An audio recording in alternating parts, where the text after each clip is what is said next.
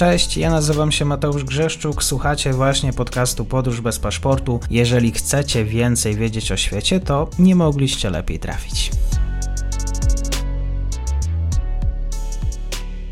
Partnerem odcinka jest Oanda, TMS Brokers, dom maklerski obecny na rynku już od ponad 20 lat. W opisie odcinka znajdziecie link do aplikacji, której możecie otworzyć konto maklerskie i grać na giełdzie, a wcześniej potrenować na koncie demonstracyjnym. Jeżeli otworzycie konto za pośrednictwem tego linku, dostaniecie na start książkę o tematyce inwestycyjnej. Zapraszam, Mateusz. Dzień dobry Państwu, dzień dobry wszystkim e, słuchaczom. E, tradycyjnie na początku odcinka zachęcam Państwa do tego, żeby kliknąć przycisk subskrybuj, jeżeli interesują Państwa Was informacje z Ameryki Łacińskiej. Dzisiaj rozmawiamy o Gwatemali, a ze mną jest dr Joanna Gosłowska-Bolek z Uniwersytetu Warszawskiego. Dzień dobry, kłaniam się. Dzień dobry, dziękuję za zaproszenie. Wszyscy mamy prawo i przywilej wyrażania naszej opinii, aby kształtować przyszłość kraju. Tak powiedział właściwie e, Arevalo, polityczny outsider z Gwatemali, po oddaniu swojego głosu właśnie w stolicy. Za nami wybory w tym kraju i wydaje mi się, że chyba e, wszyscy przeciwko niemu, a na pewno biznes, e, ci, którzy dotychczas powili się swego rodzaju korupcji, e, ci, którzy no, jednak woleli, żeby ta scena gwatemalska polityczna miała więcej problemów. No, no, właśnie, a jednak wygrał, a jednak wygrał i to zdecydowanie z ogromną przewagą nad swoją rywalką, to znaczy otrzymał około 58% głosów, natomiast Sandra Torres e, zaledwie 37%, y, co pokazuje, że Gwatemalczycy e, zdecydowanie opowiedzieli się jednak za Bernardo Arevalo. E, jeszcze kilka słów, ponieważ mówiliśmy w ogóle o całej e, sytuacji w Gwatemali po, e, przy okazji pierwszej tury wyborów. Słuchacze zainteresowani mogą to sobie odsłuchać mhm. gdzieś tam w archiwum. Natomiast warto jest jeszcze powiedzieć kilka słów na temat no właśnie zwycięzcy Bernardo Arevalo. Arevalo to jest, to jest ciekawa postać. To jest rzeczywiście taki polityczny outsider, ale on nie kreuje się na, na kogoś, kto będzie rozwalał w ogóle cały system, tak natychmiast, prawda, wywraca stolik i tak dalej, więc to, to nie jest e, e, to nie jest człowiek tej klasy. To jest pracownik naukowy, socjolog, były dyplomata, który ma wizerunek taki raczej spokojnego człowieka, bardzo zdecydowanego, bardzo ciepłego, wypowiada się w sposób e, taki bardzo przekonujący do siebie, e, nie jest napastliwy. E, I to jest w polityce, no myślę, że, że mało, taka, mało spotykana cecha. Dodatkowo to jest człowiek, który wcześniej no, nie był postrzegany jako jakiś konkretny, konkretne zagrożenie dla, dla status quo. Dlatego, że w Gwatemali mm, obecnie urzędujący prezydent Alejandro Yamatei w zasadzie stworzył system E, który bardzo silnie dąży w stronę autorytaryzmu. Właściwie no już wiele, mm, wiele, e, wielu analityków czy, czy wielu ekspertów no wskazuje tutaj na głęboką zapaść demokracji, na to, że w zasadzie te instytucje zostały całkowicie przejęte System sądowniczy w ostatnich latach, zwłaszcza od 2021 roku, rozmontowywany jest właśnie system e, i, i sądowniczy, i wszelkie takie instytucje, no, które powinny stać na straży, na straży demokracji. Poz, e, pozbył się rząd wszelkich dziennikarzy, którzy mogliby tutaj coś odkłamywać, czy, czy po prostu takich, którzy nie chcieli zgodnie z tą linią rządową głosić, e, głosić pochwał e, dla obecnego rządu. Właściwie pozbyto się wszystkich potencjalnych kandydatów, zwłaszcza trójki takich kandydatów, no, którzy mogli rzeczywiście, uważano, że mogli zagrozić, mogli startować i, i, i mogli zdobyć jakąś liczbę głosów. Natomiast na Bernardo Arevalo nikt nie stawiał. Taki, prawda, niezbyt popularny człowiek, którym było do tej pory cicho, niezbyt właśnie bojowy e, w nastawieniu, dość spokojny, no, pracownik naukowy, socjolog. Niech będzie, niech będzie na tej liście, żeby to wyglądało, rzeczywiście są wybory przeprowadzone w sposób demokratyczny, więc tutaj nikt e, jakby nie podejrzewał, że ten wynik może być, e, może być właśnie taki. Natomiast w czerwcu w pierwszej turze wyborów okazało się, że właśnie on, właśnie on przeszedł do tej drugiej tury. Zmierzył się z Sandrą Torres. To jest też ciekawa postać. To jest była pierwsza dama, małżonka byłego prezydenta, która już wcześniej próbowała o ten najwyższy urząd w państwie się starać ponieważ zarzucono jej, że jest, jest y, wpisane w konstytucję, że członek rodziny urzędującego prezydenta nie może startować w wyborach prezydenckich, więc ona szybko y, się w trybie takim przyspieszonym się rozwiodła, no ale to też jakoś nie, nie, nie wystarczyło. Ona startowała teraz po raz trzeci i za każdym razem przychodziła do drugiej tury i za każdym razem przegrywała. A więc jest taką wielką przegraną jednak e, tych, tych wszystkich wyborów. Ona nie była właściwie związana bardzo ściśle z tym obozem rządzącym, natomiast obecny prezydent Alejandro Giamatei nie mógł startować, dlatego że w Gwatemali e, nie, nie mogą, nie może urzędujący prezydent e, brać udziału w wyborach, więc wiadomo było, że musi tam być inny kandydat.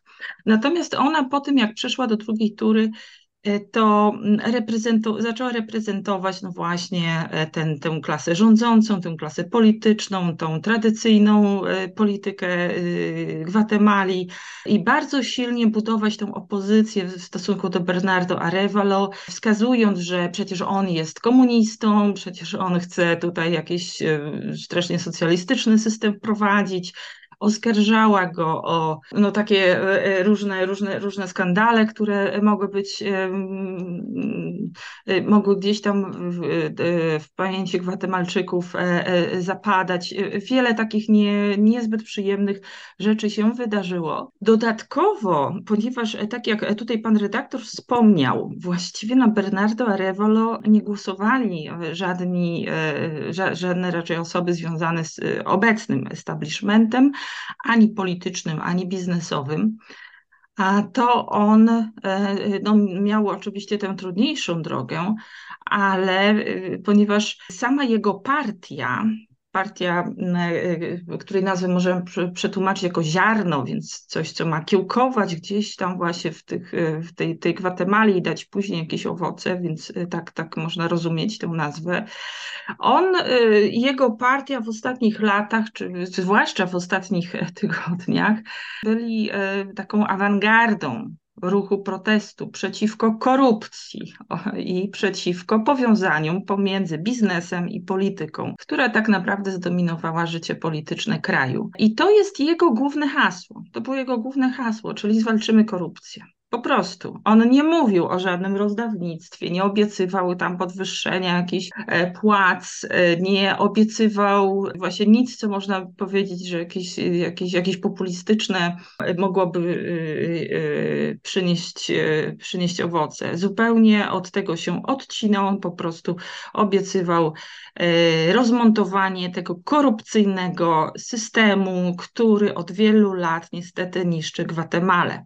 Tak jak tutaj wspomniałam i o tym już wcześniej mówiliśmy, ponieważ w Gwatemali ten y, no, jednak system instytucji, system sądownictwa jest, jest bardzo ściśle podległy obecnej, obecnej partii, to natychmiast, gdy się okazało, że Bernardo Arevalo wygrał tę, znaczy przeszedł do drugiej tury, to natychmiast e, rozpoczęły się działania przeciwko samemu Arevalo i przeciwko jego partii, czyli podważanie e, legalności w ogóle tej partii, podważanie jakby możliwości, że, że, że ta partia może dalej e, prowadzić swoją działalność, zawieszanie tej partii poprzez panią prokurator generalną Gwatemali, która zresztą no, bardzo silnie usiłowała zdelegalizować tę, tę partię. Zresztą sprzeciwiał się temu Trybunał Konstytucyjny i, i dzięki temu Arevalo mógł stanąć jednak do wyborów ale sama e, pani prokurator generalna, która jest osobą bardzo y, no, mocno umocowaną w, w tej polityce gwatemalskiej, silnie związaną z, z obecnym prezydentem, no ona sama ma postawione zarzuty korupcyjne. Jest y, też na liście no, tych, tych osób y, oskarżonych o korupcję sporządzonej przez Stany Zjednoczone, także jest ścigana za to. Natomiast ona nie ustaje w tych wysiłkach, żeby, żeby zdelegalizować partię. Dlatego nie wiemy, jak się potoczą dalsze losy. Prawdopodobnie myśl, myślę, że na czas wyborów były pewne działania zawieszone, dlatego że wszystkie oczy myślę, że zwróciły się właśnie na tę sytuację w Gwatemali. Dlatego pani prokurator generalna, pani Porras, wstrzymała tej swoje działania. Myślę, że, że one odżyją jednak, bo bardzo trudno będzie obecnemu establishmentowi oddać tę władzę. Te powiązania korupcyjne są niezwykle głębokie, niezwykle silne. Tam jest zbudowana no, masa takiej, ta, ta, taka siatka wręcz pomiędzy y, politykami, tymi najważniejszymi, ale też gdzieś tam na wszystkich w zasadzie poziomach lokalnych, również z narkobiznesem. Gwatemala to jest y, jedyny kraj w regionie, który nie ma ustawy takiej, która by przeciwdziałała tworzeniu monopolii. E, dlatego tam jest pełno biznesu mm, skoncentrowanego w rękach nielicznych. E, to się wiąże również z posiadaniem e, ziemi, z, z wielkimi plantacjami. No, Gwatemala jest tutaj jednym z głównych pro, producentów i, i, eksporterów na przykład kawy, owoców i, i tak dalej, drewna również. To jest skoncentrowane no, w rękach nielicznych, bardzo silnych rodzin, które będą na pewno zabiegały o to, aby no, Arevalo nie mógł wprowadzać tych swoich pomysłów w życie.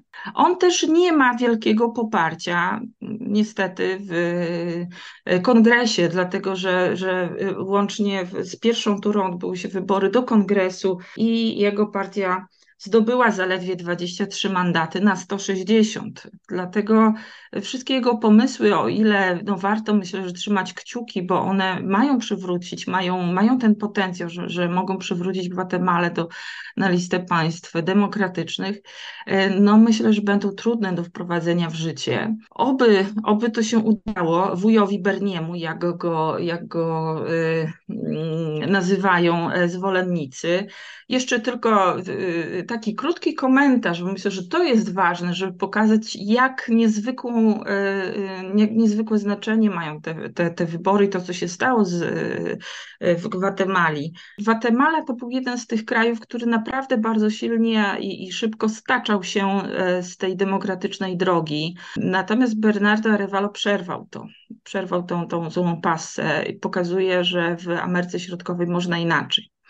Gwatemala jest krajem biednym, e, gdzie no, są problemy takie tradycyjne, y, latynoamerykańskie, bym powiedziała, nawet, y, nawet jeszcze e, silniej e, tam wybrzmiewają, czyli problem z biedą rosnącą, zwłaszcza po pandemii, ale też z rozwarstwieniem społecznym, gdzie duża część no, ludności pochodzenia rdzennego jednak właśnie poniżej tych statystyk ubóstwa e, jest klasyfikowana, trzy czwarte tej ludności. Natomiast jeśli chodzi o, o taką białą elitę, no to tutaj znacznie e, lepiej wygląda sytuacja. Bardzo dużo Gwatemalczyków niestety ucieka z kraju i, i zwłaszcza to w, w, w czasie ostatniej kadencji y, Alejandro Gaimatiego było widoczne, y, zmierzają przez Meksyk do Stanów Zjednoczonych najczęściej. Y, również przy Gwatemale wiodą szlaki, międzynarodowe szlaki narkotykowe, co też e, sprawia, że jakby wydźwignięcie się z tej sytuacji będzie niezwykle trudne. Jednak Bernardo Arevalo, nie dysponując zupełnie takimi funduszami, które byłyby porównywalne z, z finansami e, Sandry Torres, wygrał te wybory. Bernardo Arevalo i jego partia dysponowali w zasadzie bardzo nikłymi funduszami. E, wręcz krążyły takie filmiki, można je obejrzeć jeszcze w mediach społecznościowych, gdy oni przygotowywali całą tą swoją kampanię, rozmawiali, spotykali się właściwie w wynajętym garażu, gdzieś tam na przedmieściach e, miasta Gwatemali, stolicy.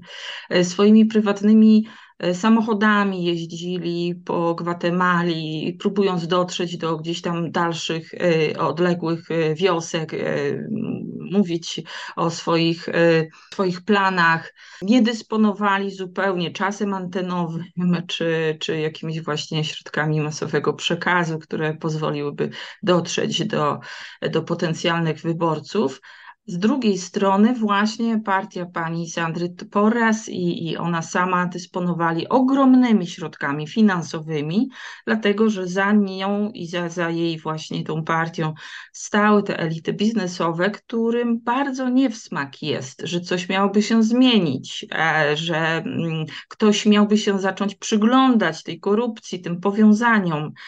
E, na Bernardo Arevalo głosowali e, w dużej części ludzie młodzi.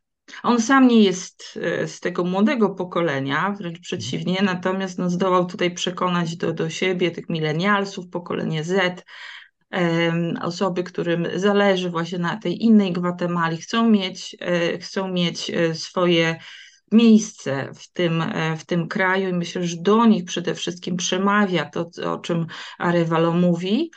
E, natomiast czy uda mu się te pomysły wprowadzić w życie, to e, tutaj, tutaj jest niestety bardzo duży znak zapytania. Ale to, co się stało w Gwatemali, myślę, że jest niezwykle ważne dla całego regionu. Pokazuje, że z tą erozją demokracji można walczyć, że jednak rozsądne pomysły czasem wygrywają, pomimo braku środków finansowych i pomimo sprzeciwu e, tradycyjnych elit politycznych i biznesowych. No myślę, że to jest kwestia właśnie, czy pozwolą mu wprowadzać pewne zmiany i reformy. O tym mam nadzieję w przyszłości. Doktor Janna Gocłowska-Bolek, kłaniam się. Bardzo dziękuję za dzisiaj. Dziękuję serdecznie za zaproszenie. I to już koniec na dzisiaj. Zapraszam na profil podcastu Podróż bez paszportu na Facebooku, Instagramie i Twitterze. Zachęcam też do wsparcia mojej pracy na serwisie Patronite oraz Buy Coffee. Do usłyszenia.